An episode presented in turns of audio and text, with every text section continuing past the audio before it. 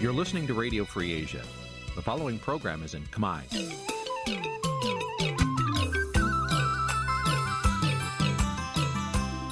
Nǐ chi càm bi tiệp xáy vệt chiu a zì sê ray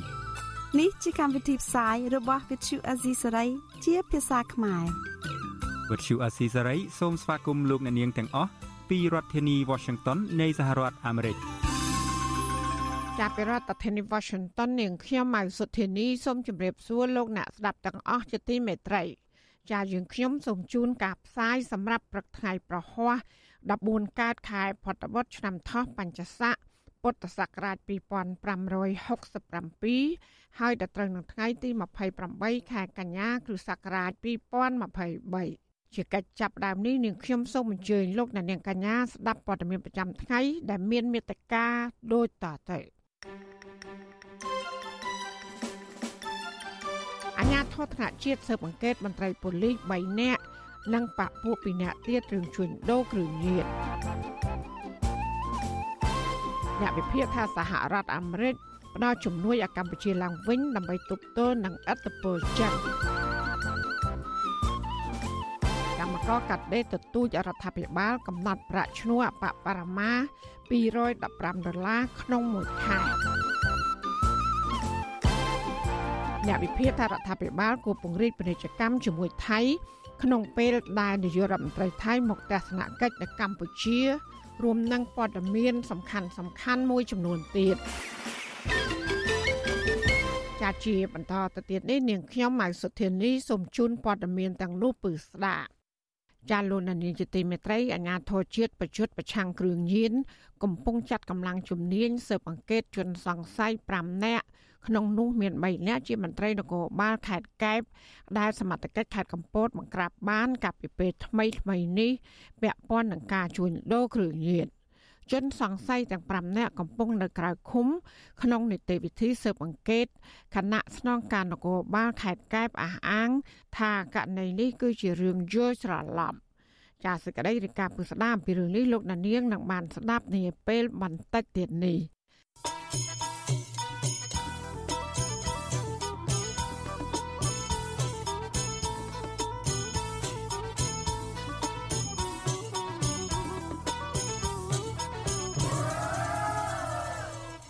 ចាលោកនាយកទីមេត្រីពាក់ព័ន្ធនឹងកម្មករកាត់ដេរវិញកម្មករកាត់ដេរបន្តទៀមទាប្រាក់ឈ្នួលអបបរមាចំនួន215ដុល្លារក្នុងមួយខែក្នុងឆ្នាំ2024ដើម្បីទប់ទល់ទំនិញសពសារពើឡើងថ្លៃសម្រាប់តម្រូវការរស់នៅប្រចាំថ្ងៃរបស់ពួកគាត់មន្ត្រីសង្គមស៊ីវិលបន្តទទូចដល់រដ្ឋាភិបាលពិនិត្យលទ្ធភាពដែលអាចតម្លើងប្រាក់ខែគោលដល់កម្មករ ចារដ្ឋាភិបាលគ្រោងកំណត់ប្រាក់ខែគោលសម្រាប់ឆ្នាំ2024នៅថ្ងៃទី28ខែកញ្ញានេះចាលោកលេងម៉ាលីរាយការណ៍ព័ត៌មាននេះ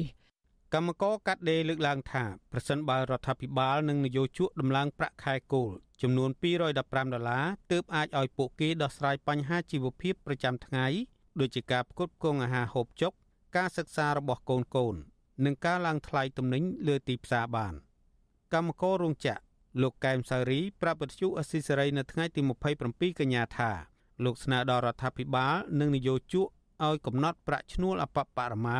215ដុល្លារដើម្បីឲ្យកម្មកររស់នៅបានសមរម្យ ខ្ញុំចង់ឲ្យខាងរដ្ឋាភិបាលក៏ដូចជាក្រសួងនៃពាក់ព័ន្ធក៏ដូចជាខាងនយោជកនៅកំណត់នៃអត្រានៃប្រាក់ខែរបស់កម្មករហ្នឹងឲ្យបាន215ដុល្លារហ្នឹងមកដើម្បីអីដើម្បីឲ្យបងប្អូនកម្មករយើងហ្នឹងដោះស្រាយជីវភាពប្រចាំថ្ងៃហ្នឹងឲ្យមានលក្ខណៈដែលថាសមរម្យការទៀមទានេះគឺនៅមុនពេលកិច្ចចរចាកំណត់ប្រាក់ឈ្នួលអបបរមាដែលក្រុងធ្វើជាលើកចុងក្រោយ នៅថ្ងៃទី28កញ្ញា វិទ្យុអស៊ីសេរីនៅពុំទាន់អាចតាក់ទងរដ្ឋមន្ត្រីក្រសួងកាងារលោកហេងសួរនិងអ្នកនាំពាក្យក្រសួងកាងារលោកកតាអូនដើម្បីសុំការឆ្លើយតបសំណើរបស់កម្មករនេះបាននៅឡើយទេ នៅថ្ងៃទី27កញ្ញា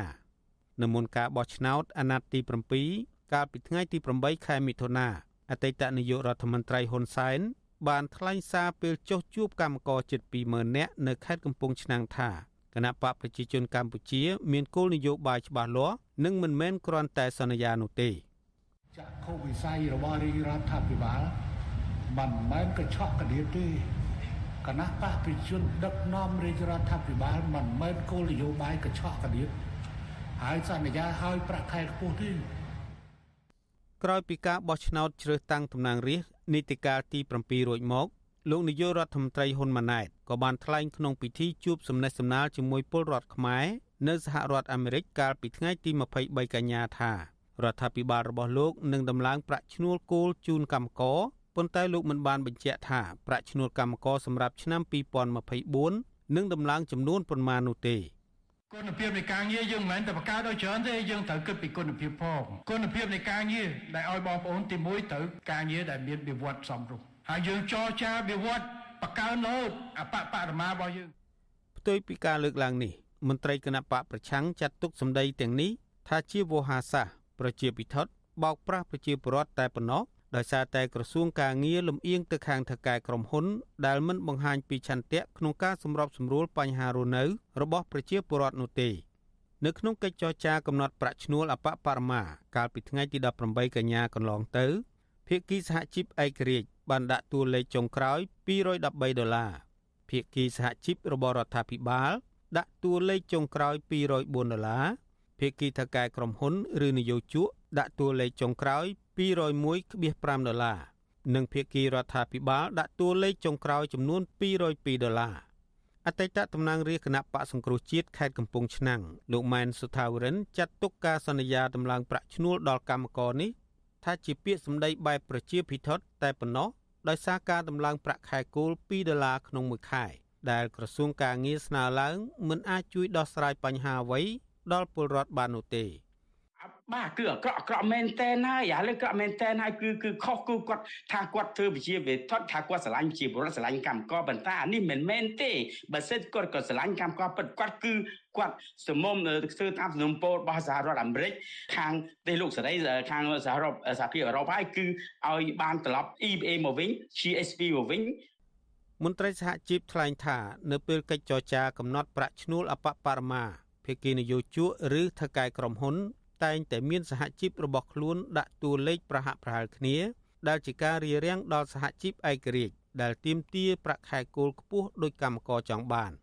ពួកគេចាត់ទុកសហជីពមិនឯករាជ្យធ្វើស្រែលើខ្នងកម្មករហើយយកកម្មករជាឈ្នន់ដើម្បីទទួលបានលៀបសការៈ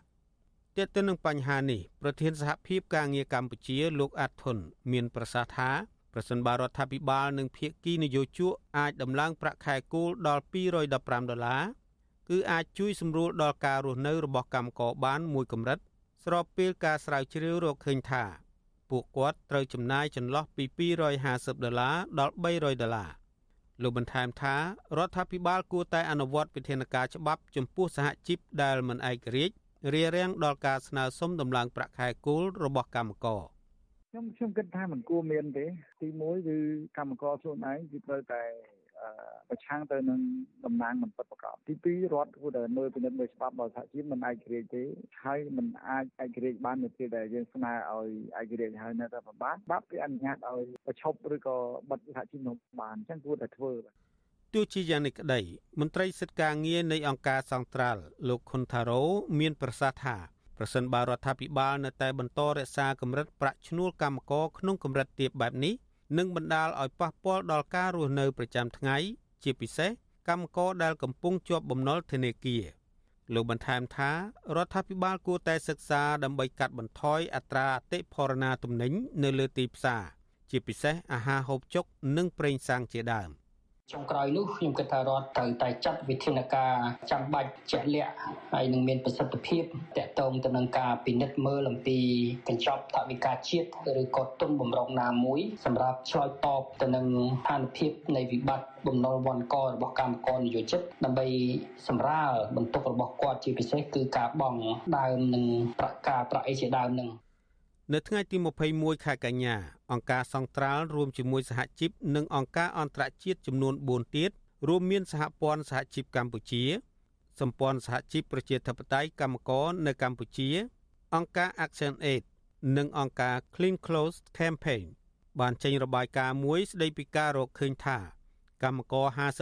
54%មិនមានលទ្ធភាពសងប្រាក់ទៅធនាគារឲ្យបានទៀងទាត់នោះឡើយ គណៈរោងចក្រមួយចំនួននៅតែបិទទ្វារដំណើរការអាជីវកម្មដោយមិនបានទូទាត់ប្រាក់បំណាច់ផ្សេងៗទៅឲ្យកម្មករនោះឡើយសហជីពលើកឡើងថាប្រសិនបើរដ្ឋាភិបាលមិនដំឡើងប្រាក់ឈ្នួលគោលសមរម្យដល់កម្មករនោះទេ កម្មករនឹងបន្តរស់នៅ ក្នុងជីវភាពខ្វះខាត និងមិនអាចរំដោះខ្លួនចេញពីវិបត្តិបំណុលនោះបានឡើយខ្ញុំបាទលេងម៉ាលី With you Assisary Washington ចាលោកនាយកជាទីមេត្រីក្រុមអ្នកវិភាគលើកឡើង ថាសហរដ្ឋអាមេរិកបានសម្រេចផ្ដល់ជំនួយដល់កម្ពុជាឡើងវិញដោយសារតែកម្ពុជាមាននិន្នាការនយោបាយងាកទៅចិនខ្លាំងពេកពួកគេបញ្ជាក់ថាសហរដ្ឋអាមេរិកចង់បង្កើតទំនាក់ទំនងល្អរវាងកម្ពុជាឡើងវិញតាមរយៈការផ្ដល់ជំនួយនេះដើម្បីទប់ទល់នឹងឥទ្ធិពលចិនចាប់ពីរដ្ឋធានី Washington លោកទីនសាការីយ៉ារីកាព័ត៌មាននេះក្រុមនៃវិភាគលើកឡើងថាអាមេរិកបានផ្ដល់ជំនួយឲ្យកម្ពុជាឡើងវិញ គឺជាសញ្ញាវិជ្ជមានមួយដែលអាមេរិកជំរុញឲ្យរដ្ឋាភិបាលកម្ពុជាគោរពតាមកាតព្វកិច្ចរបស់ខ្លួនក្នុងការគោរពសិទ្ធិមនុស្សនិងលទ្ធិប្រជាធិបតេយ្យអ្នកជំនាញវិជាសាស្ត្រនយោបាយនិងទំនាក់ទំនងអន្តរជាតិលោកអែមសវណ្ណរាសម្ដែងសុតិធិនិយមថារដ្ឋាភិបាលថ្មី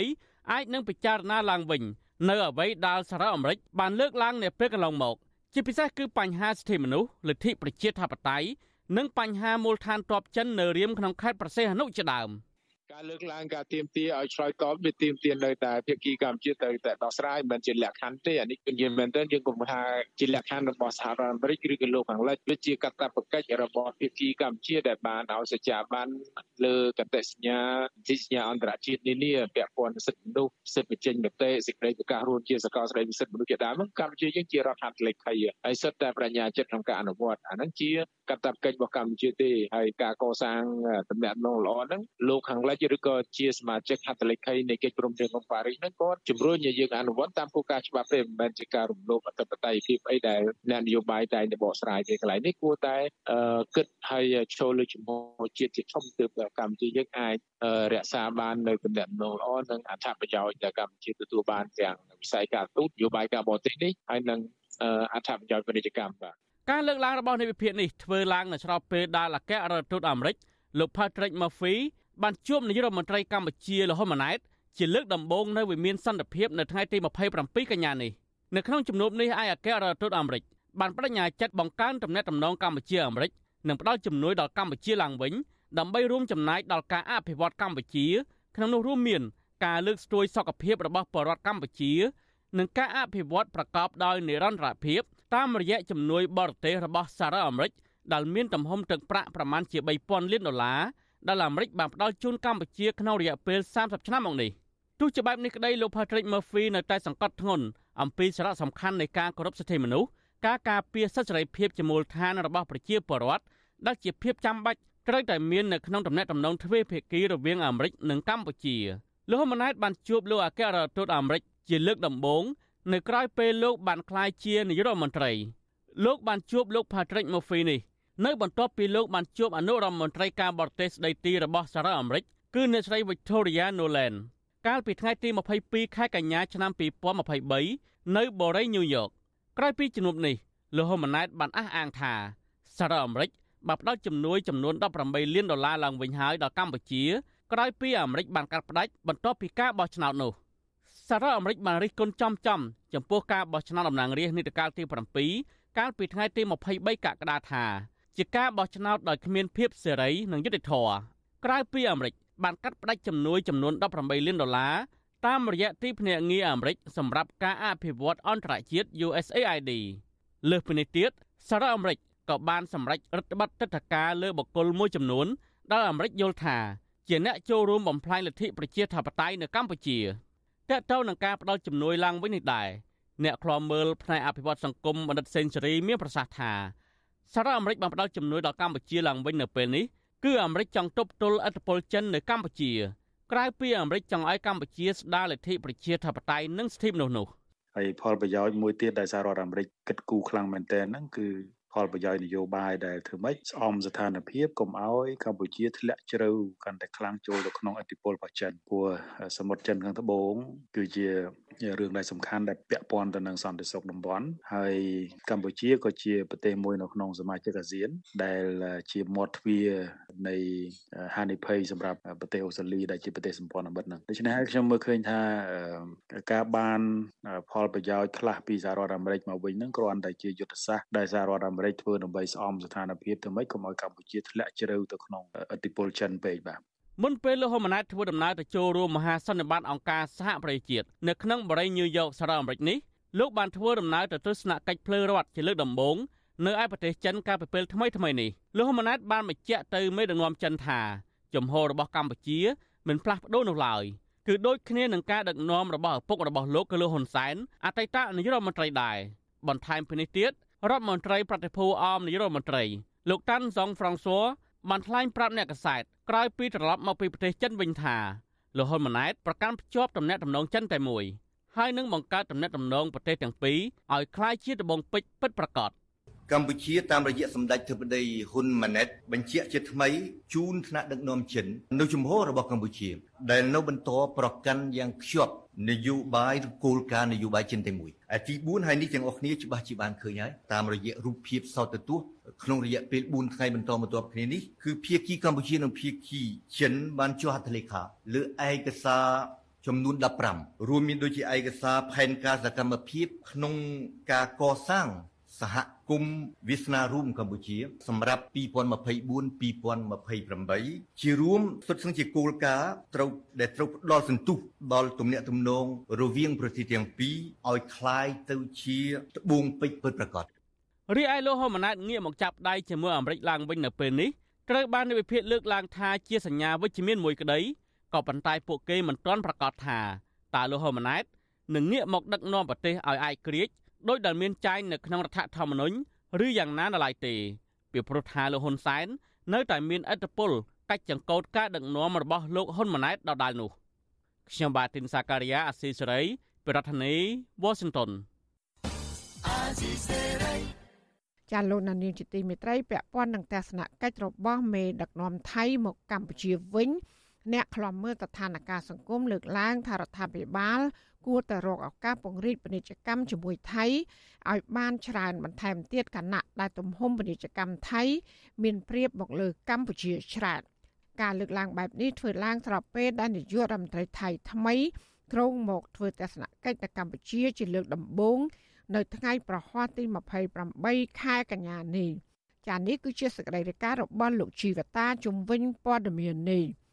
អ្នកឃ្លាំមើលស្ថានភាពសង្គមលើកឡើងថា នាយករដ្ឋមន្ត្រីថៃធ្វើទស្សនកិច្ចមកកម្ពុជា ជារឿងល្អដែលប្រមុខរដ្ឋាភិបាលគួរតែឆក់ឱកាសនេះពង្រីកពាណិជ្ជកម្មឲ្យបានទូលំទូលាយជាមួយប្រទេសជិតខាងមួយនេះអ្នកជំនាញផ្នែកវិទ្យាសាស្ត្រនយោបាយលោកអែមសវណ្ណរាប្រាប់វិទ្យុអាស៊ីសេរីនៅថ្ងៃទី27កញ្ញាថាដំណើរទស្សនកិច្ចរបស់នាយករដ្ឋមន្ត្រីថៃលោកសេដ្ឋាថាវីសិនមកកម្ពុជា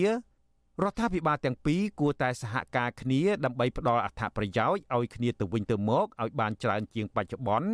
ក្នុងនោះរួមមានបញ្ហាសន្តិសុខនិងរឿងទេសចរលោកបញ្ជាក់ថាកន្លងមកថៃតែមានប្រៀបជាងកម្ពុជាលើការដោះដូរពាណិជ្ជកម្ម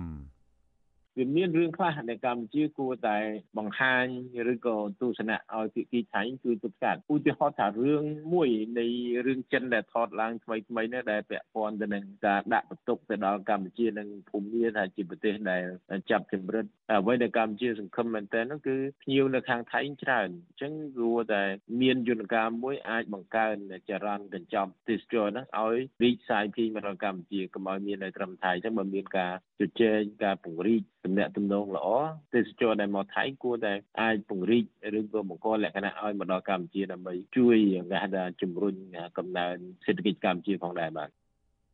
ការលើកឡើងនេះស្របពេលដែលនាយករដ្ឋមន្ត្រីថៃថ្មី លោកសេដ្ឋាទ្វីសិនក្រុងបំពេញទស្សនកិច្ចទៅកម្ពុជា នៅថ្ងៃទី28កញ្ញាសេចក្តីប្រកាសព័ត៌មានរបស់ក្រសួងការបរទេសចុះថ្ងៃទី26កញ្ញាឲ្យដឹងថា ដំណើរទស្សនកិច្ចរបស់លោកសេដ្ឋានេះគឺដើម្បីពង្រឹងបន្ថែមនៅចំណងមិត្តភាពជាប្រពៃណីនិងការលើកកម្ពស់កិច្ចសហប្រតិបត្តិការពហុវិស័យរវាងប្រទេសទាំងពីរស្របតាមស្មារតីការពង្រឹងភាពជាដៃគូដើម្បីសន្តិភាពនិងវិបុលភាពនៃប្រទេសទាំងពីរចំណែកនាយករដ្ឋមន្ត្រីថៃថ្មីក៏គ្រោងនឹងលើកយកវិធានការបង្ក្រាបនិងជួយសង្គ្រោះជនរងគ្រោះពីអំពើឆបបោក ជួញដូរមនុស្សតាមប្រព័ន្ធអនឡាញនៅតាមព្រំដែននៃប្រទេសទាំងពីរដែលជនរងគ្រោះជាច្រើនជាជនជាតិថៃផងដែរមកពិភាក្សាតាក់ទងនឹងការដោះដូរទំនិញវិញជញ្ជីងពាណិជ្ជកម្មរបស់កម្ពុជា នៅចាញ់ប្រៀបថៃច្រើនរបាយការណ៍របស់ស្ថានទូតកម្ពុជាប្រចាំនៅប្រទេសថៃបង្ហាញថា ការដោះដូរពាណិជ្ជកម្មទ្វេភាគីរវាងកម្ពុជានិងថៃរយៈពេល11ខែក្នុងឆ្នាំ2022 មានទំហំទឹកប្រាក់សរុបជាង9000លានដុល្លារអាមេរិកគឺកើនឡើងជាង26%ប្រៀបនឹងរយៈពេលដូចគ្នាក្នុងឆ្នាំ2021ក្នុងនោះការនាំចេញទំនិញកម្ពុជាទៅថៃ មានជាង1000លានដុល្លារគឺកើនឡើងជាង27%បើធៀបនឹងឆ្នាំ2021ដែលមានជាង800លានដុល្លារអាមេរិកចំណែកការនាំទំនិញចូលពីថៃមកកម្ពុជាវិញ មានជាង8000លានដុល្លារអាមេរិក គឺកើនឡើងជិត26%បើធៀបនឹងឆ្នាំ2021ដែលមានជិត6500លានដុល្លារអាមេរិកវិទ្យុអាស៊ីសេរីមិនអាចតាក់ទងแนะនាំពាក្យក្រសួងការបរទេសលោកអានសុខឿននិងប្រធានអង្គភិបអ្នកណាំពាក្យរដ្ឋាភិបាលលោកប៉ែនបូណាដើម្បីសូមអត្ថាធិប្បាយជុំវិញបញ្ហានេះបានទេនៅថ្ងៃទី27កញ្ញាទោះជាយ៉ាងណាអ្នកសិក្សាផ្នែកច្បាប់និងជាអ្នកតាមដានស្ថានភាពសង្គម លោកលីច័ន្ទដារាវុធយល់ឃើញថាក្រៅពីត្រូវការពង្រីកពាណិជ្ជកម្មបន្ថែមហើយរដ្ឋាភិបាលកម្ពុជាក៏គួរតែជំរុញទៅនាយករដ្ឋមន្ត្រីថៃឲ្យសម្រួលដល់ការរស់នៅរបស់ពលករខ្មែរនៅប្រទេសថៃផងដែរលោកបញ្ជាក់ថាពលករខ្មែរភៀកច្រើនពិបាកធ្វើឯកសារស្របច្បាប់ដែលធ្វើឲ្យពលករខ្លះបង្ខំចិត្តធ្វើការងារដោយខុសច្បាប់ ហើយតែងត្រូវថៅកែថៃរំលោភបំពានកម្លាំងពលកម្ម ហើយបើអាចយើងជជែកគ្នាទៅលើធ្វើយ៉ាងម៉េចដើម្បីឲ្យជីវភាពរបស់ប្រជាជនខ្មែរនៅប្រទេសថៃនឹងកាន់តែល្អប្រសើរព្រោះថាជាផលប្រយោជន៍របស់កម្ពុជាធំព្រោះថានៅពេលដែលប្រជាជនខ្មែរនៅប្រទេសថៃគាត់ធ្វើពលករគាត់បានប្រាក់វិវត្តមកប្រាក់វិវត្តហ្នឹងគឺហូរចូលមកក្នុងប្រទេសកម្ពុជាជួយទៅលើគ្រួសារអភិវឌ្ឍជីវភាពប្រជាជននៅក្នុងស្រុកខ្មែរដូច្នេះវាសំខាន់មែនទែនដែលមេដឹកនាំគួរតែផ្ដោតលើចំណុចហ្នឹងបាទរបាយការណ៍របស់អង្គការសង្ត្រាល់ឲ្យដឹងថា បច្ចុប្បន្ននៅប្រទេសថៃមានពលករខ្មែរធ្វើការស្របច្បាប់និងមិនស្របច្បាប់ជាង2លាននាក់កាលពីខែមេសាកន្លងទៅ មានពលករខ្មែរមួយចំនួនត្រូវបានសមត្ថកិច្ចថៃចាប់ដាក់គុកដោយចងដៃនិងច្រវាក់ជាប់គ្នា ក្នុងពេលពួកគេឆ្លងដែនចូលមកប្រទេសថៃខុសច្បាប់ ហើយរដ្ឋាភិបាលកម្ពុជាមិនបានអើពើជួយដល់ពួកគេនោះឡើយអ្នកតាមដានស្ថានភាពសង្គមរំពឹងថាដំណើរទស្សនកិច្ចរបស់នាយករដ្ឋមន្ត្រីថៃនេះ នឹងធ្វើឲ្យបញ្ហាទាំងនេះបានប្រសើរឡើង ហើយនឹងជំរុញឲ្យសេដ្ឋកិច្ចនៃប្រទេសទាំងពីរប្រសើរជាងមុនខ្ញុំជីវិតាអាស៊ីសេរីចាលោកនានីជាទីមេត្រីអាញាធរជាតិប្រយុទ្ធប្រឆាំងគ្រឿងញៀនកំពុងចាត់កម្លាំងជំនាញស៊ើបអង្កេតជនសង្ស័យ5នាក់ក្នុងនោះមាន3នាក់ជាមន្ត្រីនគរបាលខេត្តកែបដែលសមត្ថកិច្ចខេត្តកំពតបង្ក្រាបបានកាលពីពេលថ្មីថ្មីនេះពាក់ព័ន្ធនឹងការជួញដូរគ្រឿងញៀន ជនសង្ស័យទាំង5នាក់កំពុងនៅក្រៅឃុំ ក្នុងនីតិវិធីស៊ើបអង្កេតគណៈស្នងការនគរបាលខេត្តកែបអះអាង ថាករណីនេះគឺជារឿងយល់ច្រឡំទោះយ៉ាងណាបរដ្ឋអះអាងថាក្នុងចំណោមជនសង្ស័យ5នាក់នោះគឺមានមន្ត្រីប៉ូលីសម្នាក់មានកូនចៅដែលចែកចាយគ្រឿងញៀននៅតំបន់ខេត្តកែបនិងខេត្តកំពតនាពេលកន្លងមកនេះចាលោកតារារិចសែនរាយការណ៍ព័ត៌មាននេះ អគ្គលេខាធិការអាជ្ញាធរជាតិប្រយុទ្ធប្រឆាំងគ្រឿងញៀនលោកមាសវិរិទ្ធប្រាប់វិទ្យុអាស៊ីសេរីនៅថ្ងៃទី27ខែកញ្ញាថាកម្លាំងមន្ទីរប្រឆាំងបទល្មើសគ្រឿងញៀននៃស្នងការដ្ឋាននគរបាលជាតិកំពុងបើកការស៊ើបអង្កេតជាមួយមន្ត្រីនគរបាលមូលដ្ឋានខេត្តកំពតជុំវិញការខាត់ខ្លួនមន្ត្រីប៉ូលីស3នាក់និងបពពួក2នាក់រឿងចោទប្រកាន់ថាជួញដូរគ្រឿងញៀនលោកមាសវិរិទ្ធឲ្យដឹងថាការខាត់ខ្លួនជនសង្ស័យទាំង5នាក់ មានភាពចម្រូងចម្រាសច្រើននិងមិនទាន់មានភស្តុតាងគ្រប់គ្រាន់ដើម្បីកសាងសំណុំរឿងតាមនីតិវិធីនៅឡើយលោកអះអាងថាសមត្ថកិច្ចកំពុងស៊ើបអង្កេតករណីនេះប្រសិនបើរកឃើញថាជនសង្ស័យទាំង5នាក់ពិតជាជាប់ពាក់ព័ន្ធករណីគ្រឿងញៀនមែននោះសមត្ថកិច្ចនឹងចាត់វិធានការតាមផ្លូវច្បាប់ សមត្ថកិច្ចកំពុងតែពិនិត្យមានមូលហេតុអីបើសិនបើវាពាក់ព័ន្ធទៅនឹងការងារអនុវត្តច្បាប់ហើយក៏ច្បាប់ហ្នឹងស្មារតីគ្នាចំពោះមុខច្បាប់ច្បាប់អនុវត្តពីណាក៏ដូចតែគ្នាដែរតែសំខាន់នៅលើអង្គហេតុលើការសួរយក ចម្លើយបន្ថែមពីជំនាញដែលជាម្ចាស់ករណីអ្វីដែលសំខាន់តើការបង្ក្រាបនោះវាយ៉ាងម៉េចក្នុងរង្វង់ប្រតិបត្តិការនឹងគិតទៅពិនិត្យឡើងវិញបានស៊ីជម្រៅព្រោះថាវាមិនដែលរមានប៉ូលីសទាំងក្រុមទៅធ្វើអញ្ចឹងចឹងយើងទៅពិនិត្យច្បាស់យើងអត់មានកម្មជើងនរណាដែរខាន់លើការអនុវត្តច្បាប់កម្លាំងប្រឆាំងបទល្មើសគ្រឿងញៀនខេត្តកំពតកាលពីរំលងអាត្រិតថ្ងៃទី25ខែកញ្ញាបានឃាត់ខ្លួនជនសង្ស័យចំនួន5នាក់ ក្នុងនោះមានមន្ត្រីនគរបាល3នាក់និងបពពួក2នាក់រួមទាំងវត្ថុតាមគ្រឿងញៀន3កញ្ចប់កំភ្លើងខ្លីមួយដើមនិងសម្ភារៈវេចខ្ចប់គ្រឿងញៀនមួយចំនួននៅតំបន់ចំការសាវម៉ាវក្នុងស្រុកទឹកឈូខេត្តកំពតក្រោយសមត្ថកិច្ចឃាត់ខ្លួនជនសង្ស័យ5នាក់បានមួយយប់ស្នងការនគរបាលខេត្តកែបលោកសម្បត្តិសុធិរតបានចេញមុខអន្តរាគមដោះលែងនៅក្រៅឃុំមេប៉ូលីសខេត្តកំពតរូបនេះអះអាងប្រាប់សារព័ត៌មានក្នុងស្រុកយ៉ាងខ្លីថាករណីឃាត់ខ្លួននេះ ជាការយល់ច្រឡំវិទ្យុអាស៊ីសេរីមិនអាចតាក់ទងស្នងការដ្ឋាននគរបាលខេត្តកែបលោកសម្បត្តិសុធិរតនិងស្នងការនគរបាលខេត្តកំពតម៉ៅច័ន្ទមុធិរិទ្ធដើម្បីសាកសួរជុំវិញបញ្ហានេះបានទេនៅថ្ងៃទី27ខែកញ្ញាក្នុងចំណោមជនសង្ស័យទាំង5នាក់មាន2នាក់ជាមន្ត្រីជាប់ក្របខ័ណ្ឌនិងបានចូលបម្រើការងារនគរបាលខេត្តកែបជាង3ឆ្នាំតែប៉ុណ្ណោះក្នុងនោះរួមមានវរៈស្នេតោ អើងកែវមានតួនាទីជាអនុប្រធានការិយាល័យព្រំប្រទានកម្រិតស្រាលស្រុកដំណាក់ចង្អើនិងមន្ត្រីម្នាក់ទៀតដែលគេស្គាល់ថាជាប់សាច់ញាតិជាមួយមេប៉ូលីសកំពូលក្នុងស្នងការដ្ឋានខេត្តកែបចំណែកជនសង្ស័យម្នាក់ទៀតឈ្មោះប៊ុនហាចទើបជាប់ក្របខ័ណ្ឌនគរបាលថ្មីថ្មីនេះនិងធ្លាប់ជាប់គុកជាង1ឆ្នាំតាមរយៈការសម្រេចរបស់តុលាការខេត្តកំពតកាលពីឆ្នាំ2014ដោយចោទប្រកាន់ពីបទល្មើសប្លន់មានស្ថានទម្ងន់ទោសវរៈសេនីតូអើងកែវ ជាមន្ត្រីនគរបាលមួយរូបក្នុងខេត្តកែបដែលល្បីល្បាញរឿងប្រព្រឹត្តអំពើពុករលួយហើយពលរដ្ឋមួយចំនួនស្អប់ខ្ពើមដោយសារតែមន្ត្រីនេះរងការចោទប្រកាន់ថាធ្លាប់បន្លំយកគ្រឿងញៀនញាត់ហប៉ៅយុវជនជំទង់ជំទង់និងខាត់ខ្លួនដើម្បីឲ្យអាណាព្យាបាលយកលុយមកធានាដើម្បីជាធ្នូនឹងការដោះលែងយុវជនម្នាក់អះអាងថាធ្លាប់រងគ្រោះថ្លែងសុំបញ្ចេញឈ្មោះព្រួយបារម្ភអំពីបញ្ហាសវត្ថិភាពឲ្យដឹងថា លោកធ្លាប់បានប៉ូលីសអើងកែវខាត់ខ្លួនកាលពីជាង5ឆ្នាំមុនដោយអយុត្តិធម៌ដោយចោទប្រកាន់ថាលោកបានប្រើប្រាស់និងជួញដូរគ្រឿងញៀនក្នុងគ្រាដែលលោកអង្គុយលេងនៅឆ្នេរកែបយុវជនរូបនេះឲ្យដឹងថាក្រោយមានការខាត់ខ្លួនលោកវរៈសេនីតូអើងកែវបានបញ្ជូនលោកមកកាន់ការិយាល័យព្រំប្រទានកម្រិតស្រាលស្រុកដំណាក់ចង្អើនិងឲ្យលោកតាក់ទងម្ដាយដើម្បីបង់លុយជិត400ដុល្លារ ដើម្បីជាធ្នូនឹងការដោះលែងវិញយុវជនដដាលអះអាងថាលោកមិនដែលប្រើប្រាស់ឬពាក់ព័ន្ធនឹងគ្រឿងញៀនឡើយបងប្រើច្រើនណា កូនប្រាឲ្យគ្រឿងញៀនគេដូចណាគេតែមកព្រោះគ្រឿងញៀនហ្នឹងត្រូវតែតែប្រាប់ប្រាប់ពាក់កៅបាទដូចកូនខ្លាគាត់មួយហ្នឹងតែអានោះវាតែមកគ្រឿងញៀនពីកូនខ្លាគាត់ហើយពេលកូនខ្លាគាត់តែតែគាត់ហ្នឹងតែយកគ្រឿងញៀនពីគាត់ហ្នឹងយកទៅលក់ឲ្យគេគឺចាកូនខ្លាដែលអ្នកហុចគ្រឿងញៀនហ្នឹងអត់ចាប់ទេទៅអត់ចាប់ទេចាប់តាយើងហុចគ្រឿងញៀនឲ្យហើយជិះម៉ូតូចេញគឺចាប់ហើយណាច្រើនណាស់អ្នករងគ្រោះច្រើនប៉ុន្តែជិះម៉ូតូអត់ដឹងអីចាប់គេដល់ទៅនំនិតអីហ្នឹងតែម៉ែឲ្យគេមកដល់ចែកមកដល់ហើយយ៉ាងទៅឲ្យចេញបង់លុយបង់នេះឲ្យច្រើនទៅមកគេធ្វើយកយកយកលុយអាចជូនទៅស្នងការគេជូនទៅអធិការហ្នឹងណាជុំវិញរឿងនេះមន្ត្រីសម្របសម្រួលនៃអង្គការសិទ្ធិមនុស្សលីកាដូប្រចាំខេត្តកំពតលោកប៉ែនវុធាលើកឡើងថាអ្វីដែលពលរដ្ឋលើកឡើងនេះជាតម្រុយបន្ថែមទៀតដែលទាមទារឲ្យអាជ្ញាធរស៊ើបអង្កេតដោយតម្លាភាពលោកព្រួយបារម្ភថា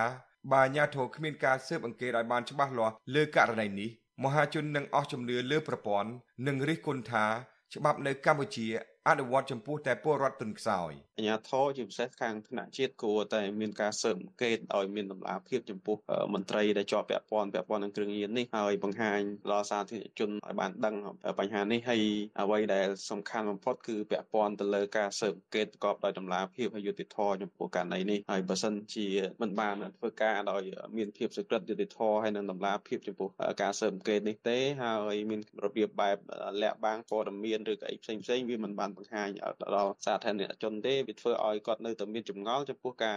អនុវត្តមន្ត្រីរាជការណាដែលពាក់ព័ន្ធទៅលើបញ្ហាគ្រឿងញៀននឹងប្រពន្ធយុវជនថ្លែងសុំមិនបញ្ចេញឈ្មោះឲ្យវិទ្យុអាស៊ីសេរីដឹងថាវរៈសេនីតូអាងកែវមានក្រុមបណ្ដាញជាច្រើនក្នុងការប្រព្រឹត្តទង្វើមិនគប្បីនិងផ្ទុយពីវិជាជីវៈសមត្ថកិច្ចយុវជនរូបនេះជឿជាក់ថាក្រុមមេប៉ូលីសកំពូលមិនមែនមិនដឹងអំពីទង្វើរបស់មន្ត្រីប៉ូលីសនេះឡើយគ្រាន់តែមន្ត្រីទាំងនោះ ខុបគិតគ្នាជាប្រព័ន្ធដើម្បីទទួលបានផលប្រយោជន៍តាមរយៈទង្វើខុសច្បាប់ខ្ញុំដារ៉ារាជសាន With you Azisari ទីក្រុង Adelaide លោកនានីជាទីមេត្រីដំណើរធាននឹងស្ដាប់ការផ្សាយរបស់វិទ្យុអសីសេរីតាមបណ្ដាញសង្គម Facebook YouTube និង Telegram លោកនាងក៏អាចស្ដាប់ការផ្សាយរបស់យើងតាមរលក ធាតុអាកាសខ្លីឬ Shortwave តាមកម្រិតនិងកម្ពស់ដូចតទៅចាប់ពីព្រឹកចាប់ពីម៉ោង5កន្លះដល់ម៉ោង6កន្លះតាមរយៈប៉ុស SW 12.14 MHz ស្មើនឹងកម្ពស់ 25m និងប៉ុស SW 13.71 MHz ស្មើនឹងកម្ពស់ 22m ការសម្រាប់ពេលយប់វិញគឺចាប់ពីម៉ោង7កន្លះដល់ម៉ោង8កន្លះ គឺតាមរយៈប៉ុស SW 9.33 MHz ស្មើនឹងកម្ពស់ 32m ប៉ុស SW 11.88 MHz ស្មើនឹងកម្ពស់ 25m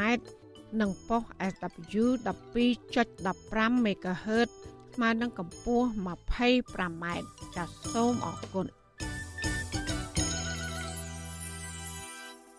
ចាលោកនានីជាទីមេត្រីប្រពន្ធសកម្មជនបពប្រឆាំងលោកវឿងសំណាង គឺលោកស្រីទៀងចន្ទាបដិសេធមិនទទួលយកលើការចាប់ប្រកាន់របស់តំណាងអัยការថាប្តីលោកស្រី បានប្រព្រឹត្តបទអូក្រិដ្ឋលោកស្រីចាត់ទុកការចាប់ប្រកាន់របស់តុលាការនេះនឹងអាចបំផ្លាញដល់អនាគតកូនកូនរបស់លោកស្រី។ ការលើកឡើងនេះធ្វើឡើងបន្ទាប់ពីសាលាដំបងរាជធានីភ្នំពេញ កាលពីថ្ងៃទី27ខែកញ្ញាម្សិលមិញ បានបើកសវនកម្មលោកសកម្មជនបពប្រឆាំងលោករឿនវាសនានិងលោកវឿងសំណាង ពាក់ព័ន្ធនឹងបទចោទរួមកំណត់ក្បត់និងបាត់ញុយងបង្កឲ្យមានភាពវឹកវរធ្ងន់ធ្ងរដល់សន្តិសុខសង្គមជាមួយនឹងលោកសំរងស៊ីនិងថ្នាក់ដឹកនាំគណៈបពប្រឆាំងនៅក្រៅប្រទេសដទៃទៀត ចាលោកយ៉ងច័ន្ទតារារាជការព័ត៌មាននេះមេធាវីការពីក្តីឲ្យសកម្មជនគណៈបកប្រឆាំងលោកសំសុគង្គថ្លែងថាភ័ស្តុតាងដែលតំណាងអัยការចោតប្រកាន់លើកូនក្តីរបស់លោកទាំងពីរនាក់នោះគឺការបង្ហោះសារតាមបណ្ដាញសង្គម Facebook ជំវិញការប្រើពាក្យវោហារសាស្ត្រនយោបាយរវាងថ្នាក់ដឹកនាំគណៈបកប្រឆាំងនៅក្រៅប្រទេសជាមួយនឹងអតីតលោកនាយរដ្ឋមន្ត្រីហ៊ុនសែនតែកតិនទៅនឹងការទិញសិញ្ជាតិពីប្រទេសស៊ីបឬសាយប្រឹស ពួកគាត់ទាំងពីរនាក់បើយើងមើលផោះតាងដូចมันមានការពាក់ព័ន្ធនេះដោយសារពួកគាត់បានបដិសេធទៅពេលសួរដេញដោថា account Facebook ដែលគេយកមកចោទប្រកាន់គាត់ហ្នឹងគឺជា account មួយដែលគេយកអ្នកដទៃយកទៅប្រើប្រព័ន្ធអញ្ចឹងណាហ្នឹងហើយទី1ទី2ខ្ញុំគិតថាអ្វីដែលជាការលើកឡើងតាក់ទងនឹងបញ្ហាហ្នឹងគឺយើងគិតថាវាជារឿងដែលថាត្រង់នាំនៅក្រៅប្រទេសគាត់ធ្វើរឿងតាក់ទងនឹងការបញ្ចេញយោបល់ បែបវោហារសាស្ត្រនយោបាយកាលអំឡុងពេលនៃនៅពេលនោះលោកសំសកុងស្នើដល់តុលាការពិនិត្យភ័ស្តុតាងឲ្យបានជាក់លាក់និងទម្លាក់ចោលការចោទប្រកាន់លើកូនក្តីរបស់លោក នៅថ្ងៃប្រកាសសាលក្រមថ្ងៃទី9ខែតុលាខាងមុខជុំវិញរឿងនេះលោកស្រីទៀងចន្ទាដែលត្រូវជាប្រពន្ធអតីតចៅសង្កាត់រងទី2នៃគណៈបកសង្គ្រោះជាតិលោកវឿងសំណាងថ្លែងថាលោកស្រីមិនអាចទទួលយកបានទេ ចំពោះការចោទប្រកាន់ដែលមិនពិត ហើយក្នុងសវនាការ ប្តីរបស់លោកស្រីក៏បានស្រែកថាអយុត្តិធម៌ផងដែរលោកស្រីទៀងចិន្តាបន្តទៀតថាមូលហេតុដែលមិនអាចទទួលយកបាន គឺដោយសារតែតំណាងអัยការលោកលឹមប៊ុនហេងបានយកភ័ស្តុតាងដែលមិនជាក់លាក់នៅក្នុងទូរស័ព្ទក្រោយចាប់ខ្លួនប្តីលោកស្រី។ ញាប់ខ្ញុំខ្ញុំពិតជាទទួលយកបានទេអានេះជារឿងអយុត្តិធម៌ខ្លាំងបំផុតដោយសារគាត់អត់បានធ្វើអីខុសហើយគាត់តែយកឯកសារចេញពីក្នុងទូរស័ព្ទអារឿងទូរស័ព្ទហ្នឹងឯកសារយើងចង់ធ្វើមិនក៏បានដែរហើយយកចេញពីក្នុងទូរស័ព្ទហ្នឹងមកថាវាជារឿងខុសច្បាប់ខ្ញុំអត់ដឹងអត់យល់ថាហ្នឹងខុសច្បាប់ត្រង់ណាគេចោទគាត់ចឹងហើយលោកស្រីទៀងចិន្តាលើកឡើងថា ការចោទប្រកាន់ជាលើកទី2ដែលអាចជាប់ពន្ធនាគារពី5ឆ្នាំទៅ10ឆ្នាំ លើប្តីលោកស្រីទាំងគ្មានកំហុសនោះអាចនឹងបំផ្លាញដល់អនាគតកូនស្រីជាមិនខានលោកស្រីជឿជាក់ថាសកម្មភាពនយោបាយប្តីរបស់លោកស្រីកន្លងទៅគឺដើម្បីប្រជាពលរដ្ឋនិងលើកស្ទួយលទ្ធិប្រជាធិបតេយ្យនៅកម្ពុជាវិទ្យុអាស៊ីសេរីមិនទាន់អាចតាក់ទងអ្នកនាំពាក្យសាលាដំបងរាជធានីភ្នំពេញលោកអ៊ីរិននិងអ្នកនាំពាក្យតំណាងអัยការលោកប្លង់សុផល ដើម្បីសាកសួរអំពីរឿងនេះបានទេ កាលពីថ្ងៃទី27ខែកញ្ញា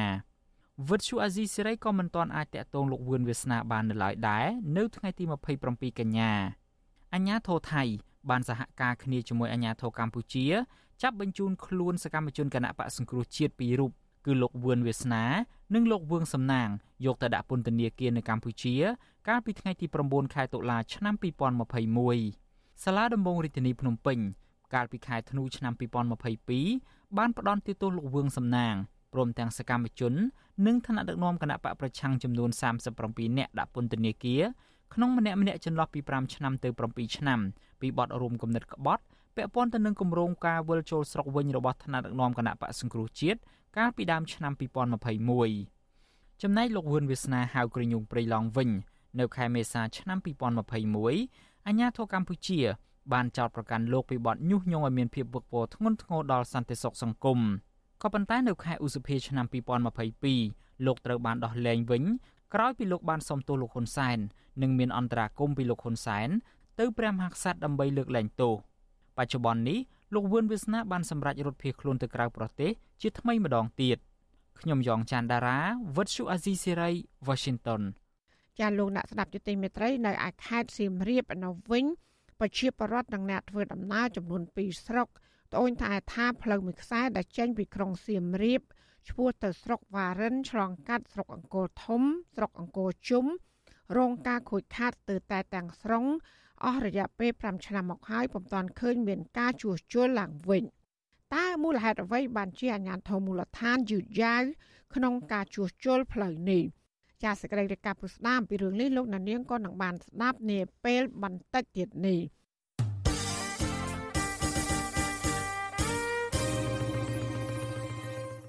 ចាលោកដានៀងជាទីមេត្រីពាក់ព័ន្ធនឹងប្រជាប្រដ្ឋរងគ្រោះពីការទាញយករ៉ែមាសពួកគាត់ឲ្យដឹងថាថាវការជាតិដែលបានមកពីការផ្ដោតសិទ្ធិឲ្យក្រុមហ៊ុនបរទេសទាញយករ៉ែមាសមិនអាចទូទាត់ផលប៉ះពាល់បរិស្ថាន និងការរំលោភសិទ្ធិដីធ្លីរបស់ប្រជាសហគមន៍នោះឡើយមន្ត្រីសង្គមស៊ីវិលស្នើដល់រដ្ឋាភិបាលលើកកម្ពស់តម្លាភាពវិស័យធនធានរ៉ែដើម្បីបញ្ឈប់ការអភិវឌ្ឍដែលនាំឲ្យប្រជាពលរដ្ឋរងគ្រោះ ចាលោកមានរិទ្ធមានសេចក្តីរាយការណ៍ជំវិញព័ត៌មាននេះប្រជាពលរដ្ឋដែលរស់នៅក្បែរការដ្ឋានក្រុមហ៊ុនទាញយករ៉ែមាសលើកឡើងដូចដូចគ្នាថាចំណូលថវិកាជាតិត្រឹមតែ13លានដុល្លារក្នុងរយៈពេល8ខែពីការទាញយករ៉ែមាសដោយក្រុមហ៊ុនបរទេសមិនអាចប្រៀបធៀបជាមួយផលប៉ះពាល់បរិស្ថាន និងការរំលោភបំពានដីធ្លីប្រជាសហគមន៍បាននោះឡើយ សកម្មជនបរិស្ថានរស់នៅឃុំសុចិត្តខេត្តកំពង់ធំ ក្បែរទីតាំងយករ៉ែមាសរបស់ក្រុមហ៊ុនចិនឈ្មោះ Late Change Mining Development ស្ថិតនៅតំបន់ភ្នំជីលោកថោងកុយប្រាវិសុវអាស៊ីស្រីនៅថ្ងៃទី27ខែកញ្ញាថា ក្រុមហ៊ុនទាញយករ៉ែមាសនៅតំបន់ភ្នំជីមិនត្រឹមតែធ្វើឲ្យមានការបំពុលនិងខូចផ្លូវចាប់ពីផ្សារទំរិញទៅដល់ឃុំសុចិត្តតែប៉ុណ្ណោះទេក្រុមហ៊ុននេះក៏បង្កឲ្យមានចំនួនដីធ្លីជាមួយប្រជាពលរដ្ឋប្រមាណ200គ្រួសារដែលមានដីចម្ការស្វាយចន្ទីនិងដំឡូងមីនៅក្បែរភ្នំជីផងដែរ លោកបានថែមថារដ្ឋាភិបាល គួរតែជំរុញឲ្យក្រុមហ៊ុនក្នុងស្រុកឬប្រជាពលរដ្ឋនៅតាមសហគមន៍ទាញយករ៉ែមាសដើម្បីទទួលបានចំណូលថវិកាជាតិវិញ ជាជាងផ្ដល់អាជ្ញាប័ណ្ណឲ្យក្រុមហ៊ុនបរទេសទាញយករ៉ែមាសនិងទទួលបានថវិកាជាតិបន្តិចបន្តួចថវិកា13លានដុល្លារហ្នឹងគឺអត់បានផ្ដល់អភិវឌ្ឍទៅតំបន់ហ្នឹងវិញទេថែមទាំងផ្ដល់ទៅគុណវិបត្តិមួយទៀតតាមរយៈការបញ្ចេញ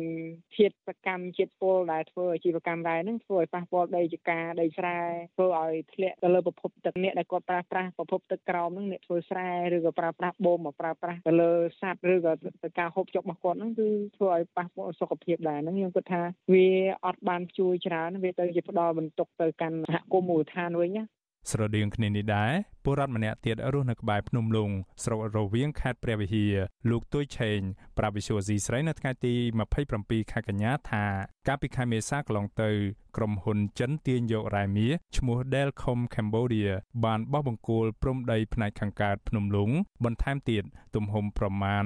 1800ហិកតាដើម្បីរុករករ៉ែមាស លោកបានថែមថាការបោះបង្គោលកំណត់ទីតាំងទាញយករ៉ែមាសថ្មីនេះធ្វើឲ្យមានចំនួនដីធ្លីបន្ថែមទៀតជាមួយប្រជាពលរដ្ឋខណៈដីធ្លីរបស់ប្រជាពលរដ្ឋជាង200ហិកតា ដែលមានចំនួនដីធ្លីជាមួយក្រុមហ៊ុន នៅមិនទាន់ទទួលបានដំណោះស្រាយពីអាជ្ញាធរនៅឡើយទេលោកទុយឆេងអះអាងថាចំណូលថវិកាជាតិជាង13លានដុល្លារពីវិស័យរ៉ែមាសមិនអាចប្រៀបធៀបជាមួយផលប៉ះពាល់របស់ប្រជាពលរដ្ឋនិងបរិស្ថានដែលក្រុមហ៊ុនបង្កឡើងនោះទេ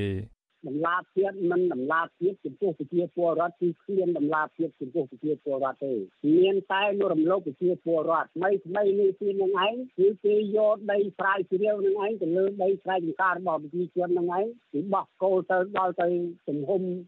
1800អេកាថែមទៀតដូច្នេះហើយខ្ញុំសនុំពរឲ្យរដ្ឋាភិបាលឲ្យគាត់បានដឹងប្រហែលជាគាត់មិនបានដឹងរឿងហ្នឹងទេបានតែគាត់មិនទៅទៅចាប់អារម្មណ៍ ប្រតិកម្មរបស់ប្រជាពលរដ្ឋបែបនេះធ្វើឡើងបន្ទាប់ពីអ្នកនាំពាក្យក្រសួងរាយនឹងធម្មពលលោកអឹងឌីប៉ូឡាប្រកាសនៅថ្ងៃទី23ខែកញ្ញាថាកម្ពុជាទទួលបានថវិកាពីការទាញយករ៉ែមាសជាង13លានដុល្លារក្នុងរយៈពេល8ខែដើមឆ្នាំ2023នេះ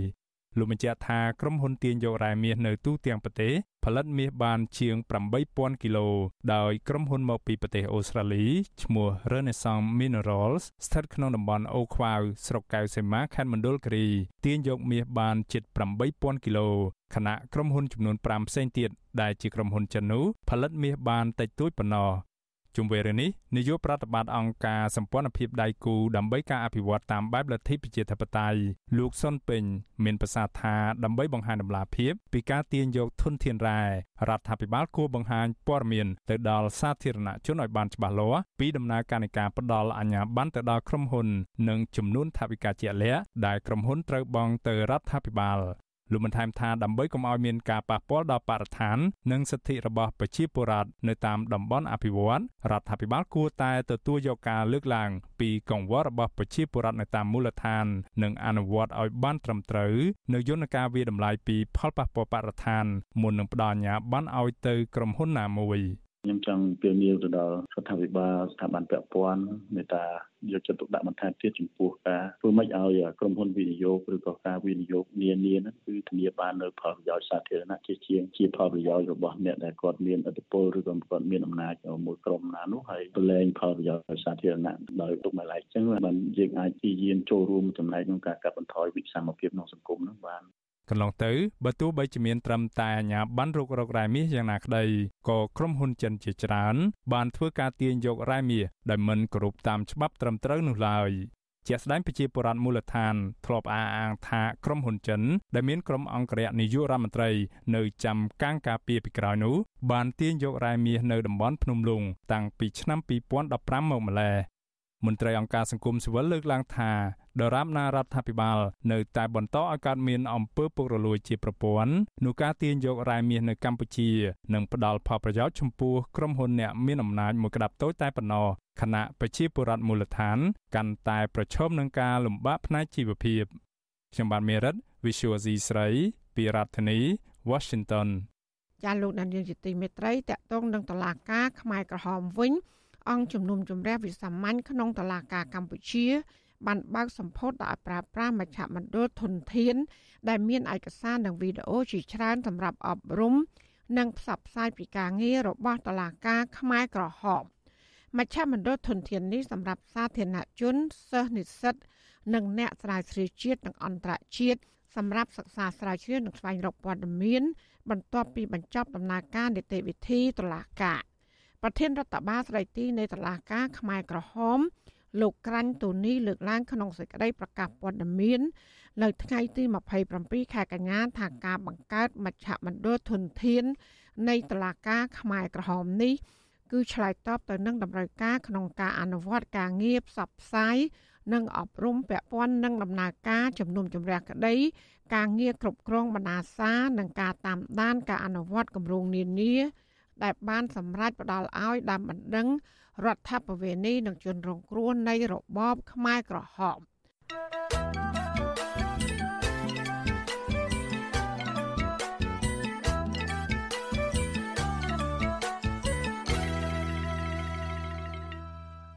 ចាលោកនានីជាទីមេត្រីប្រជាប្រដ្ឋនិងអ្នកធ្វើដំណើរចំនួន2ស្រុកនៅក្នុងខេត្តសៀមរាបត្អូញត្អែថាផ្លូវមួយខ្សែ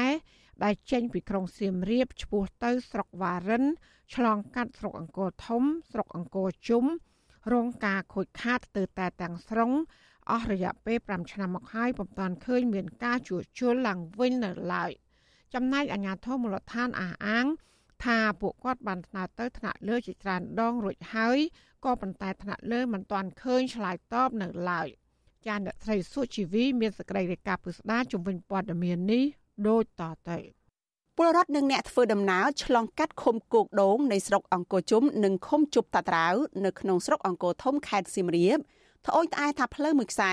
មានប្រវែងប្រមាណ20គីឡូម៉ែត្រកំពុងខូចខាតតាំងពីឆ្នាំ2018មករហូតមកដល់ពេលបច្ចុប្បន្ននេះនៅមិនទាន់ឃើញមានអាជ្ញាធរពាក់ព័ន្ធអើពើជួសជុលនោះទេ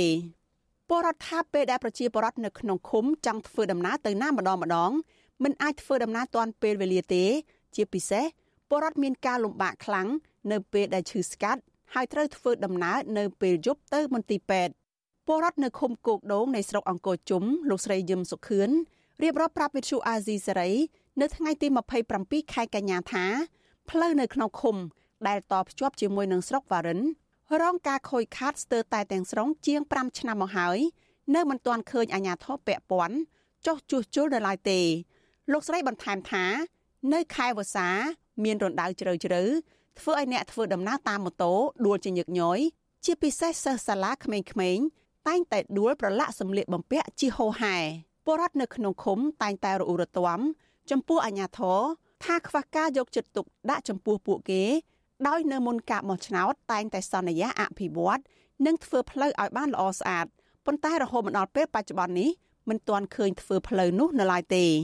មកគូយន់ចាប់លើថ្នល់ដែលលោកគ្រូចាប់ទុតតែកលែងឯងលោកគ្រូម៉ូតូក៏ជិះវេចូលផ្ទះគេវេចូលមុខផ្ទះគេចាស់គេបិទចេះក៏ធាក់តែក្នុងជ្រោះក៏ចាប់ម៉ូតូលាត់ក្នុងទឹកក៏មានដែរលោកគ្រូស្រដៀងគ្នានេះដែរពលរដ្ឋរស់នៅឃុំជប់តាត្រាវនៃស្រុកអង្គរធំលោកផុនផាន់ថៃឲ្យដឹងថាផ្លូវមួយខ្សែនេះនៅរដូវប្រាំងមានដីហុយខ្លាំងធ្វើឲ្យពលរដ្ឋនិងក្មេងនៅក្នុងឃុំងាយមានជំងឺដូចជាផ្ដាសាយនិងក្អកជាពិសេសនៅពេលហូបបាយម្ដងម្ដង ពួកគេត្រូវចងមុងទើបអាចហូបបាយកើតចំណែកនៅក្នុងរដូវវស្សាវិញ មានទឹកដក់នៅក្នុងរណ្ដៅធំធំធ្វើឲ្យពិបាកខ្លាំងនៅពេលធ្វើដំណើរឆ្លងកាត់បន្ទាប់ពីបាត់ហុយមកគឺវាទៅជារំដៅក្លោកជ្រៅជ្រៅអញ្ចឹងដូចបងឃើញស្រាប់ហើយថាពិបាកណាបងអើយបើគិតពីការដើរវិញនោះគឺពិបាកក្នុងការធ្វើដំណើរជូនកូនទៅរៀនអីពិបាកចំណែកឯពលរដ្ឋដែលតែងតែធ្វើដំណើរមកពីស្រុកវ៉ារិនឆ្ពោះទៅក្រុងសៀមរាបលោកមូលម៉ៃឲ្យដឹងថាផ្លូវមួយនេះ នៅពេលមេឃភ្លៀងនៅតាមរណ្ដៅខ្លះលិចដល់ក្បាលជង្គង់ធ្វើឲ្យអ្នកបើកបររថយន្តនិងម៉ូតូពិបាកខ្លាំងលើសពីនោះម៉ូតូខ្លះក៏ខូចខាតថែមទៀតបន្ទាប់ពីជិះឆ្លងកាត់ផ្លូវនេះរួចមកលោកបន្ថែមថាអ្នកភូមិចង់ឲ្យអាជ្ញាធរជួសជុលផ្លូវមួយខ្សែនេះឲ្យបានឆាប់បំផុត ខូចអស់ខូចតិចទីអស់ហើយចាត់ការខូចចាត់ការទៅទៅស្ទឹងទៅបន្លាយអស់ហើយបាទម៉ូតូតាមផ្ទះទេជីតាមផ្លូវការដែលជីចូលតាមច្រកផ្ទះមុខផ្ទះទេវាខាតច្រើនទាក់ទងនឹងនឹងសេដ្ឋកិច្ចនេះវាការធ្វើដំណើរខាត់ប៉ះពាល់ទាំងស្រុងទាំងតូទាំងឡានទាំងដឹកកាក់ផលដឹកទៅអីជុំវិញរឿងនេះមេឃុំគោកដូងមកពីគណៈបកប្រជាជនកម្ពុជាលោកហ៊ូខុំឆ្លើយតបថា រូបលោកបានស្នើទៅថ្នាក់លើរបស់លោកជាច្រើនលើកច្រើនសារមកហើយរហូតមកដល់ពេលនេះនៅមិនទាន់ទទួលបានដំណឹងពីថ្នាក់ខេត្តនោះនៅឡើយទេ លោកបន្ថែមថាចំពោះការជួសជុលផ្លូវមួយខ្សែនេះវាជាកាតព្វកិច្ចរបស់អាជ្ញាធរថ្នាក់ខេត្តនិងមន្ទីរអភិវឌ្ឍជនបទលោកអំពាវនាវឲ្យថ្នាក់លើរបស់លោកជួយជួសជុលផ្លូវមួយខ្សែនេះឲ្យបានឆាប់ នោះឯងខ្ញុំសំណុំពោថាអើយថ្នាក់ដឹកនាំខាងលើខាងមន្ទីរអភិវឌ្ឍខេត្តឬក៏ក្រសួងដើម្បីជួយឲ្យឃុំខ្ញុំនិងឃុំជប់តត្រាវនេះធ្វើម៉េចឲ្យផុតអាការនិន្ទារបស់ប្រជាពលរដ្ឋអូដល់ហើយខ្ញុំនឹងនិយាយថាម៉េចវិទ្យុអាស៊ីសេរីនៅមិនទាន់អាចតាក់ទងអភិបាលខេត្តសៀមរាបថ្មីគឺលោកប្រាក់សុភ័ណ្ឌដើម្បីសុំការអត្ថាធិប្បាយជុំវិញបញ្ហានេះបានទេ នៅថ្ងៃទី27ខែកញ្ញាដោយទូរស័ព្ទហៅចូលតែគ្មានអ្នកទទួលតើតោះនឹងបញ្ហានេះអ្នកស្រាវជ្រាវការអភិវឌ្ឍសង្គមលោកបណ្ឌិតមាសនេះជំរុញឲ្យអាជ្ញាធរពាក់ព័ន្ធត្រូវយកចិត្តទុកដាក់ដោះស្រាយបញ្ហានេះឲ្យបានឆាប់ពីព្រោះផ្លូវគឺជាកត្តាមួយដែលជំរុញឲ្យមានដំណើរការសេដ្ឋកិច្ចរបស់ពលរដ្ឋដើម្បីធ្វើការដឹកជញ្ជូនទំនិញនិងការប្រើប្រាស់ផ្សេងៗឲ្យបានទាន់ពេលវេលា បើយើងនិយាយអំពីផ្លូវវាជាហេដ្ឋារចនាសម្ព័ន្ធសេដ្ឋកិច្ចហ្នឹងយើងដូចយើងដឹងស្រាប់ហើយថាបើយើងប្រៀបធៀបការដឹកជញ្ជូនតម្លៃដឹកជញ្ជូននៅស្រុកយើងស្រុកជិតខាងប្រទេសជិតខាងយើងគេចំណាយតែ3ដុល្លារទេក្នុងមួយតោនពីស្រែពីចំការមកផ្លូវធំណាប៉ុន្តែស្រុកយើងចំណាយដល់15ដុល្លារនៅក្នុងមួយតោនដោយសារអីដោយសារតែផ្លូវដឹកជញ្ជូនលំបាកកំណត់ផ្លូវដែលខូចខាតខ្លាំង បង្កការលំបាកដល់ពលរដ្ឋនិងអ្នកធ្វើដំណើរឆ្លងកាត់នេះមានប្រវែង20គីឡូម៉ែត្រស្ថិតនៅក្នុងឃុំជប់តាត្រាវស្រុកអង្គរធំ និងឃុំគោកដូងស្រុកអង្គរជុំដែលមានពលរដ្ឋចំនួន22ភូមិរស់នៅសងខាងផ្លូវនិងប្រើប្រាស់ផ្លូវនេះជាប្រចាំកន្លងទៅមេដឹកនាំនៃគណៈបកប្រជាជនកម្ពុជាលោកហ៊ុនសែនតែងតែអួតពីការអភិវឌ្ឍគ្រប់វិស័យមិនថាផ្លូវនោះទេប៉ុន្តែបច្ចុប្បន្នប្រជាពលរដ្ឋស្ទើរគ្រប់ខេត្តក្រុង បានរអ៊ូរទាំពីការសាងសង់ផ្លូវមិនបានដូចចិត្តដែលពលរដ្ឋត្រូវការជាពិសេសផ្លូវនៅក្នុងឃុំតាមទីជនបទដែលពលរដ្ឋតែងតែរអ៊ូរទាំថាពិបាកធ្វើដំណើរខួបប្រាំងខួបវស្សានៅក្នុងអាណត្តិទី7នេះរដ្ឋាភិបាលថ្មីបានដាក់ចេញយុទ្ធសាស្ត្របញ្ចកោដំណាក់កាលទី1បានកំណត់អតិភិបគន្លឹះចំនួន5ដោយកំណត់យកការពង្រឹងធនធានមនុស្សជាអតិភិបទី1និងបញ្ហាផ្លូវទឹកភ្លើងនិងបច្ចេកវិទ្យា គឺជាចំណុចអតិភិបបន្តបន្ទាប់នាងខ្ញុំសុជីវីវិទ្យុអាស៊ីសេរីពីរដ្ឋធានី Washington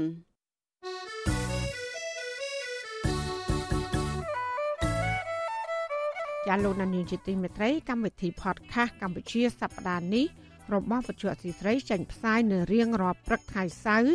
នៃសប្តាហ៍នីមួយៗម៉ោងនៅ ប្រទេសកម្ពុជា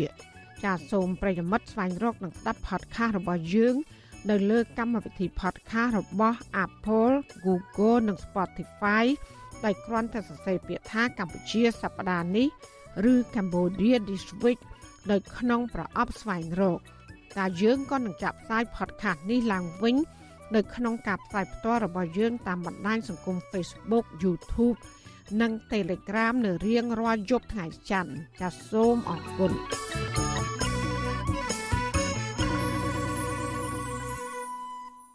ចាលោកនានីជាទីមេត្រីនៅឯខេត្តតឹងត្រែងឯណោះវិញប្រិយសហគមន៍ភូមិក្បាលរមៀសដែលជនជាតិដើមភ្នងជាច្រើនគ្រួសារបដូរជីវិតការពារនិងបានថ្នើសុំចុះបញ្ជីសមូហភាព ជាង10ឆ្នាំមកនេះអាជ្ញាធរខេត្តតឹងត្រែងនៅមិនទាន់ដោះស្រាយរួចរាល់នៅឡើយពជាសហគមន៍ចាត់ទុកការពជាពេលចុះបញ្ជីដីសមូហភាពនេះនឹងធ្វើឲ្យប្រៃអភិរក្សហិនហោច បាត់បង់ជំរកសត្វខ្ទីងស្វានិងសត្វកង្កោកព្រៃជាបន្តបន្ទាប់ចាលោកទីនសាករាមានសក្តីរាយការណ៍ពុស្ដាជំវិញព័ត៌មាននេះជនជាតិដើមភាគតិចភ្នង61គ្រួសាររស់នៅឃុំក្បាលរមៀសស្រុកសេសានដែលបដិសេធមិនទទួលយកសំណងពីក្រុមហ៊ុនទំនប់វរីគិសនីសេសានក្រំ2ក្នុងខេត្តស្ទឹងត្រែងបន្តអំពាវនាវឲ្យអាជ្ញាធរខេត្តនេះពន្លឿនចុះបញ្ជីដីសមរភាព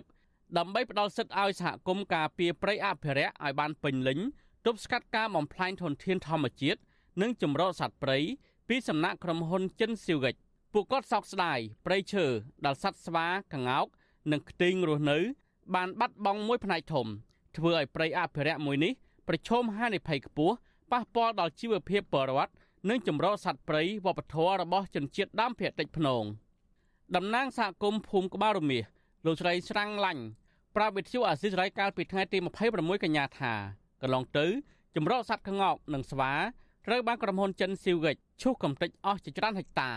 ហើយបើសិនជាអាជ្ញាធរនៅតែពន្យាពេលមិនចុះបញ្ជីដីសមរភាពព្រៃអភិរក្សនេះនឹងហិនហោចអស់ជាមិនខានលោកស្រីថាប្រជាសហគមន៍មិនជំលះចេញពីភូមិកំណើតដោយសារតែសោកស្ដាយស្រណោះព្រៃឈើកេដូនតា ព្រៃកប់សពព្រៃអរិយព្រៃជំនឿនិងព្រៃអាស្រ័យផលតាំងពីដើមមកលោកស្រីបារម្ភថាបើសិនជាក្រុមហ៊ុនចិនស៊ីវហ្គិចបន្តពង្រីកផ្ទៃដីវិនិយោគនឹងប៉ះពាល់ដល់ប្រភពទ្រទ្រង់ជីវិតរបស់សហគមន៍ទាំងស្រុង។បើសិនជាគេទៅចុះបញ្ជីដោយការស្នើសុំរបស់សហគមន៍យើងសហគមន៍យើងមានផលប្រយោជន៍បានធនធានទឹកដីព្រៃឈើធំទូលំទូលាយសម្រាប់ប្រើប្រាស់តាមរបៀបជំនឿដើមភាគតិចយើងបានស្កត់ស្គង់សត្វ ព្រៃសត្វស្រុករបស់យើងដែលនៅក្នុងព្រៃដែលយើងមានទាំងព្រមទាំងរបរលក្ខណៈជំនឿដើមភាគតិចយើងយើងរស់នៅលើធនធានជីវៈចម្រុះធម្មជាតិនឹងឯងអ្នកភូមិក្បាលរមៀសចំនួន53គ្រួសារត្រូវបានក្រុមហ៊ុនទំនប់វារីអគ្គិសនីសេសានក្រំ2បិទទ្វារទឹកពន្លិចភូមិកំណើតជាង6ឆ្នាំមកហើយដែលប្រដ្ឋទាំងនោះនៅក្រែងននៀលមិនទទួលយកការដោះស្រាយគោលនយោបាយពីក្រុមហ៊ុន និងអាជ្ញាធរដែលផ្ដល់សំណងតិចតួច ជាថ្នូវនឹងការចម្លៀសចេញពីលំនៅឋានពួកគាត់បានរំកិលមករស់នៅទីទួលសវត្ថភាពយ៉ាងលំបាកចាប់តាំងពីឆ្នាំ2017មកប្រឈមបញ្ហាច្រើនរួមមាន ខ្វះទឹកស្អាតកុមាររាប់សិបនាក់បោះបង់ការសិក្សា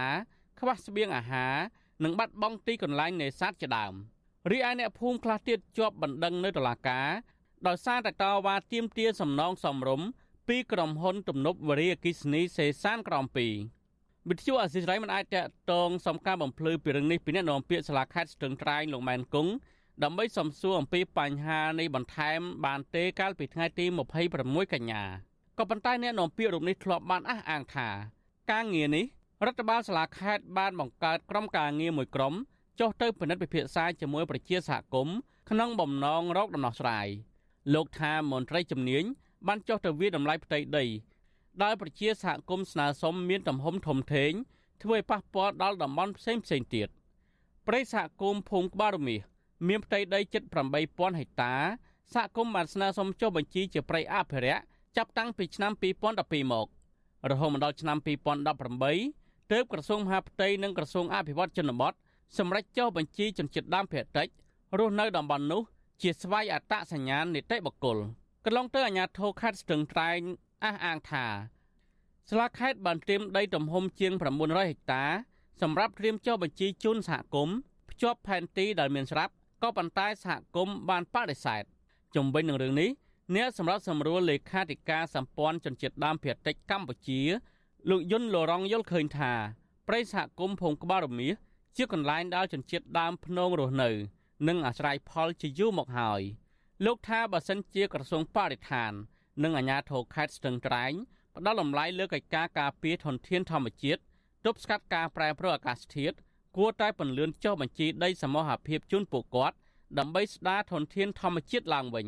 សំណើរបស់សហគមន៍ហ្នឹងគួរតែពិចារណាពីព្រោះសហគមន៍គាត់ចង់បានហ្នឹងគឺដើម្បីអភិរក្សទេមិនមែនមានន័យថា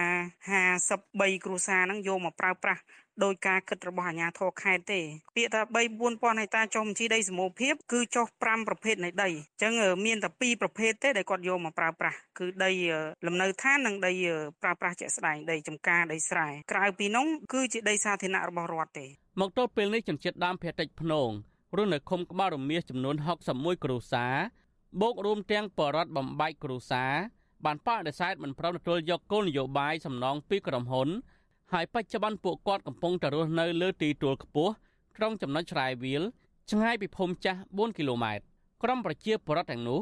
រស់នៅពឹងផ្អែកលើព្រៃសហគមន៍ដែលជាប្រភពចំណូលសេដ្ឋកិច្ចដ៏សំខាន់របស់ពួកគាត់ដូចជាខ្វៀលគោក្របី ធ្វើចំការវិលជុំ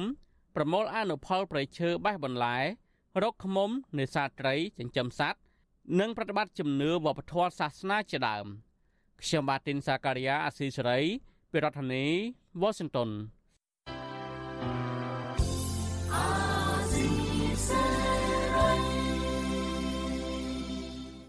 ចាលោកលានកញ្ញាអ្នកស្ដាប់ជាទីមេត្រីការផ្សាយរយៈពេល1ម៉ោងរបស់វិទ្យុអាស៊ីស្រីជាភាសាខ្មែរនៅពេលនេះចាប់តែប៉ុណ្ណេះចាយើងខ្ញុំទាំងអស់គ្នាសូមជូនពរលោកលាននិងក្រុមគ្រួសារទាំងអស់សូមជួបប្រកបតែនឹងសេចក្តីសុខសេចក្តីចម្រើន ជានិរន្តរ៍ ចានាងខ្ញុំម៉ៅសុធានីព្រមទាំងក្រុមការងារទាំងអស់របស់អសីស្រីសូមអរគុណនិងសូមជម្រាបលា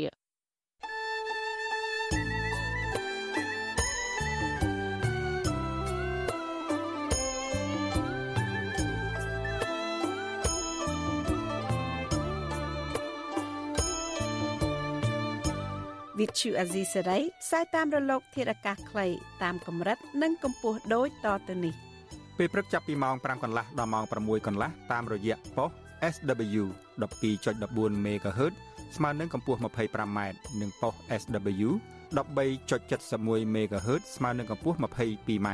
ពេលយប់ចាប់ពីម៉ោង7កន្លះដល់ម៉ោង8កន្លះតាមរយៈប៉ុស SW 9.33 MHz ស្មើនឹងកម្ពស់ 32m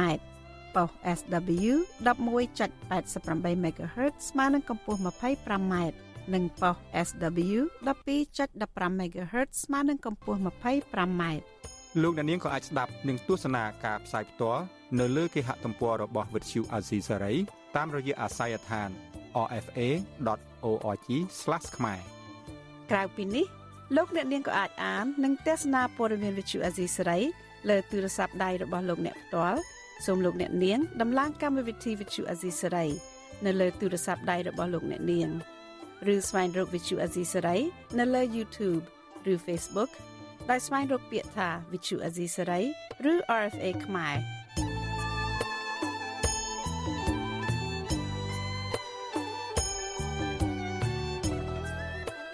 សូមលោកអ្នកនាងចុច like follow និងចុច subscribe ដើម្បីទទួលបានព័ត៌មានថ្មីៗទាន់ហេតុការណ៍និងទស្សនាវីដេអូផ្សេងៗទៀតបានគ្រប់ពេលវេលា